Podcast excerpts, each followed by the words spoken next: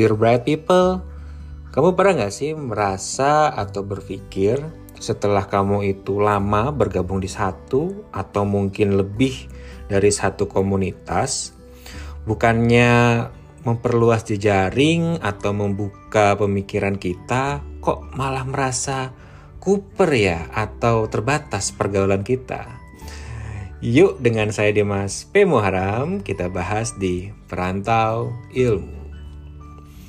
Assalamualaikum warahmatullahi wabarakatuh. Hello bright people. Salam sehat, bahagia dan juga sukses selalu dari saya di, Dari kota Adelaide, South Australia. Masih di sini menemani saya ya Yang sedang merantau jauh-jauh ke negeri kanguru buat belajar S2 di sini. Ah, kita ada di bulan Desember. Saat ini tanggal 2 Desember hari Jumat. Dan di sini uh, sholat karena kita memasuki summer ya jadi musim panas. Jadi uh, siangnya itu jauh lebih panjang teman-teman. Jadi subuh itu ketika summer ini jam 4 lebih dikit.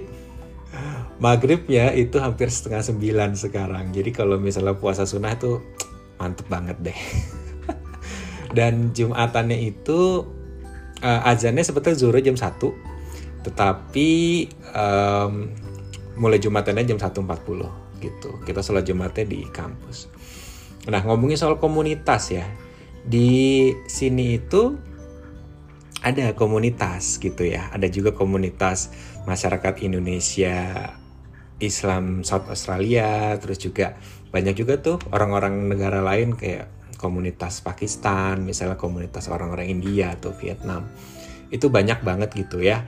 Dan di beberapa kampus juga kalau saya kan di Uni Adelaide kayak misalnya di kampus Flinders itu karena di sana ada jurusan uh, disabilitas dan disabilitas cukup banyak di sana mereka juga buat juga tuh ada komunitasnya juga mahasiswa disabilitasnya. Nah, berhubung tema kita di 30 hari bersuara tahun 2022 tantangan dari The Podcaster Indonesia keywordnya hari ini adalah komunitas. Nah saya mau bahas nih soal komunitas itu sebetulnya buat kita itu lebih luas pergaulannya atau jangan-jangan jangan-jangan ya malah bikin kita itu jadi terkungkung. Nah saya kemarin sempat bahas ya sempat bahas um, sempat googling juga mengenai definisi komunitas karena apa yang komunitas secara yang kita kenal saat ini itu beda dengan yang ketika dulu kita belajar itu pas di bangku SMP atau SMA. Mungkin teman-teman inget ya kalau di biologi atau IPA itu kan ada individu, ada populasi, ada komunitas, iya nggak? Jadi kalau individu itu misalnya seekor ikan nila gitu misalnya ya. Nah, populasi itu adalah kumpulan individu sejenis. Misalnya di sebuah kolam ada lima ekor ikan nila. Nah, berarti populasinya adalah populasi ikan nila di situ ada lima ekor. Nah, komunitas itu adalah kumpulan beberapa populasi yang hidup dalam sebuah ekosistem atau sebuah tempat. Misalnya di sebuah kolam ada lima ekor ikan nila, ada populasi ikan nila, ada populasi katak misalnya atau populasi kecebong misalnya atau populasi apa lagi um, cacing misalnya. Nah itu adalah komunitas. Jadi orang apa individu yang bermacam-macam populasi bermacam-macam bergabung menjadi satu di sebuah komunitas disebut komunitas. Nah tetapi ketika menjadi definisi komunitas sebagai sebuah community atau kayak organisasi atau perkumpulan definisi beda. Definisinya adalah uh, kumpulan orang-orang yang memiliki misalnya minat sejenis atau asal uh, background latar belakang yang sejenis atau misalnya geografis yang sejenis. Pokoknya ada sebuah identitas yang menyatukan orang-orang ini sehingga mereka tergabung dalam sebuah komunitas gitu ya. Kalau kayak saya ceritakan di awal tadi, kalau misalnya di South Australia ini di luar negeri itu pasti ada lah ya namanya komunitas buat para para perantau gitu ya para para atau yang berbasiskan agama ada buat uh, muslim di Australia juga ada seperti itu nah definisi komunitas secara sosial tadi itu menurut saya ada positif ada negatifnya Positifnya apa? Positifnya yang pasti ya kita tidak merasa sendirian lah ya. Kita tidak merasa sendirian, kita ada orang-orang yang identitasnya sama. Secara manusiawi itu ketika kita ada di sebuah lingkungan, apalagi lingkungan yang baru, lalu kita ada yang identitas yang sama, kita pasti langsung mengidentifikasi diri kita sebagai oh kita bagian dari grup tersebut gitu loh. Dan biasanya akan lebih mudah diterima juga oleh kelompok tersebut gitu ya. Dan uh, benefitnya banyak di awal seperti itu. Nah tetapi kalau misalnya kita memaknai komunitas dari sisi sosial itu saja itu akan bisa jadi negatif juga loh teman-teman. Misalnya contoh ya kita misalnya seorang disabilitas dia hanya berkegiatan di di komunitas penyandang disabilitas saja gitu ya. Ya mungkin pada awalnya dia kan merasa nyaman merasa nyaman merasa wah ini, ini se dalam tanda kutip seidentitas dengan saya nih gitu ya. Jadi merasa nyaman. Tetapi ada sebuah bahaya juga di sana. Bahayanya apa? Bahwa ya kita merasa ada di comfort zone di zona nyaman dan akhirnya kita nggak mau keluar gitu loh. Dan ketika kita merasa ada di sebuah identitas yang secara status secara kondisi itu mirip-mirip gitu ya kita nggak ada tantangan. Jadi kita udah merasa oh kalau misalnya dia teman saya nggak kerja atau saya nggak kerja atau teman saya juga banyak nggak kerja juga kok gitu misalnya. Atau misalnya kalau ketika uh, kita punya hobinya cuman genjreng-genjreng nongkrong-nongkrong oh teman saya juga banyak yang nongkrong-nongkrong dan happy-happy aja kok gitu. Jadi kita tidak dapat wawasan baru teman-teman.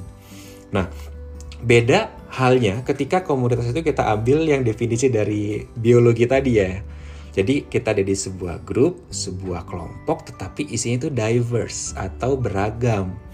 Jadi misalnya contoh ketika uh, saya ada sebuah komunitas, komunitas ASN. Nah, tapi ASN-nya itu ya memang ada identitas yang sama di sana. Komunitas ASN muda ya gitu ya. Jadi masih usia-usia muda gitu ya. Tetapi yang membedakan adalah backgroundnya bermacam-macam. Backgroundnya itu ada yang dari kementerian A, B, C, D, ada yang dari Pemda A, B, C, D, lalu juga ada yang orang-orangnya juga uh, berprestasi juga, banyak yang pada kuliah ke luar negeri dan akhirnya jadinya kita ikut termotivasi juga gitu loh. Karena kita berada di sebuah lingkungan yang kita nggak sama seperti mereka gitu loh. Tapi mungkin lebih baik atau berbeda dengan kita akhirnya kita bisa belajar. Gitu ya uh, sebetulnya sama ketika misalnya saya dan teman-teman buat komunitas kartunet dulu di awal dari tahun 2011 kita selalu ingin itu adalah inklusif gitu loh. Kita boleh punya komunitas yang isinya adalah teman-teman penyandang disabilitas, tetapi kita selalu berusaha ketika membuat sebuah kegiatan itu kita maunya berkolaborasi. Berkolaborasi dengan komunitas lain kayak waktu itu kita kolaborasi dengan komunitas blogger gitu ya. Nah kalau sekarang kan eranya era podcaster sama youtuber ya gitu. Kalau dulu kan eranya blogger. Dan itu membuat kita happy karena kita bisa bikin event bareng, kita bisa kenal orang-orang lain yang di luar sesama disabilitas, mereka bisa kenal kita, kita kenal mereka dan itu adalah sebuah cara sosialisasi yang menurut kami itu paling efisien karena tidak dengan kampanye, tidak dengan mengajak, bagi-bagi brosur, tetapi ya interaksi langsung gitu loh. Itu sangat menarik sekali. Dan kalau misalnya kita ada di sebuah komunitas yang definisi tadi biologi tadi, ya kita pastinya akan lebih terpicu lah ya, karena kita melihat orang-orang lain yang berbeda gitu ya, dan akhirnya pemikiran kita pun juga akan makin terbuka juga. Beda kalau misalnya kita ada di sebuah komunitas yang sebetulnya populasi, nggak ada bedanya gitu ya, nggak ada bedanya, nggak ada ya standar-standar aja lah. Semua sama kondisi seperti kecil kita tidak ada motivasi untuk lebih baik karena ya merasa lingkungan kita pun juga ya itu itu juga gitu loh. Jadi ya ngapain saya merasa lebih dari yang lain? Toh kita sama-sama di sini gitu. Tapi ketika dia keluar bisa jadi shock gitu. Nah jadi buat kita semua catatan saya pribadi juga kita harus mau keluar dari comfort zone kita. Jangan kita bergabung di komunitas atau banyak komunitas, tapi sebetulnya itu adalah populasi. Yang kita itu tidak mendapatkan sesuatu yang baru, tidak dapat mendapatkan sesuatu yang baru. Dan yang saya suka juga dengan misalnya bergabung di komunitas podcaster netra Indonesia ini gitu ya, itu bukan karena hmm, isinya adalah penyandang disabilitas saja. Itu memang menjadi sebuah langkah awal bahwa oh kita difasilitasi nih ada sebuah istilahnya tuh kalau di dunia advokasi namanya affirmative action gitu ya yang yang memfasilitasi kita karena kita punya identitas tadi sebagai seorang disabilitas tetapi yang saya senang adalah di komunitas ini kayak ada Om Rane gitu ya terus juga berjejaring juga dengan The Podcaster Indonesia yang yang itu adalah di luar disabilitas dan itu yang membuat saya merasa komunitas ini sebagai sesuatu yang worth it gitu ya. Komunitas dalam arti biologi bukan arti sosial. Karena dihubungkan juga dengan eh, kelompok-kelompok uh, lain yang di luar disabilitas dan itu yang membuat ini menjadi menarik sih gitu. Dan um, dan juga kita bisa memperbanyak lah ya hal-hal yang seperti itu gitu agar kita bisa keluar dari comfort zone kita bisa maju dan kita bisa termotivasi oleh lingkungan sekitar kita.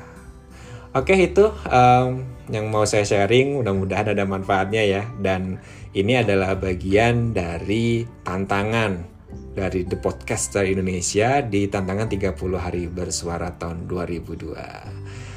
Oke, buat kamu yang suka dengan podcast saya, kita mau ikutan diskusi dengan saya, mau uh, tahu pemikiran-pemikiran saya, boleh dong ya di subscribe atau di follow uh, Perantau Ilmu namanya bisa di search di Spotify, Apple Podcast, Google Podcast, Anchor atau platform-platform yang lain yang kamu pakai ya. Dan kalau yang mau interaksi dengan saya bisa di Instagram at dimastereducation atau bisa email ke saya di me at dimasmuharam.com. Okay, Dimas is signing out. Thank you and see ya.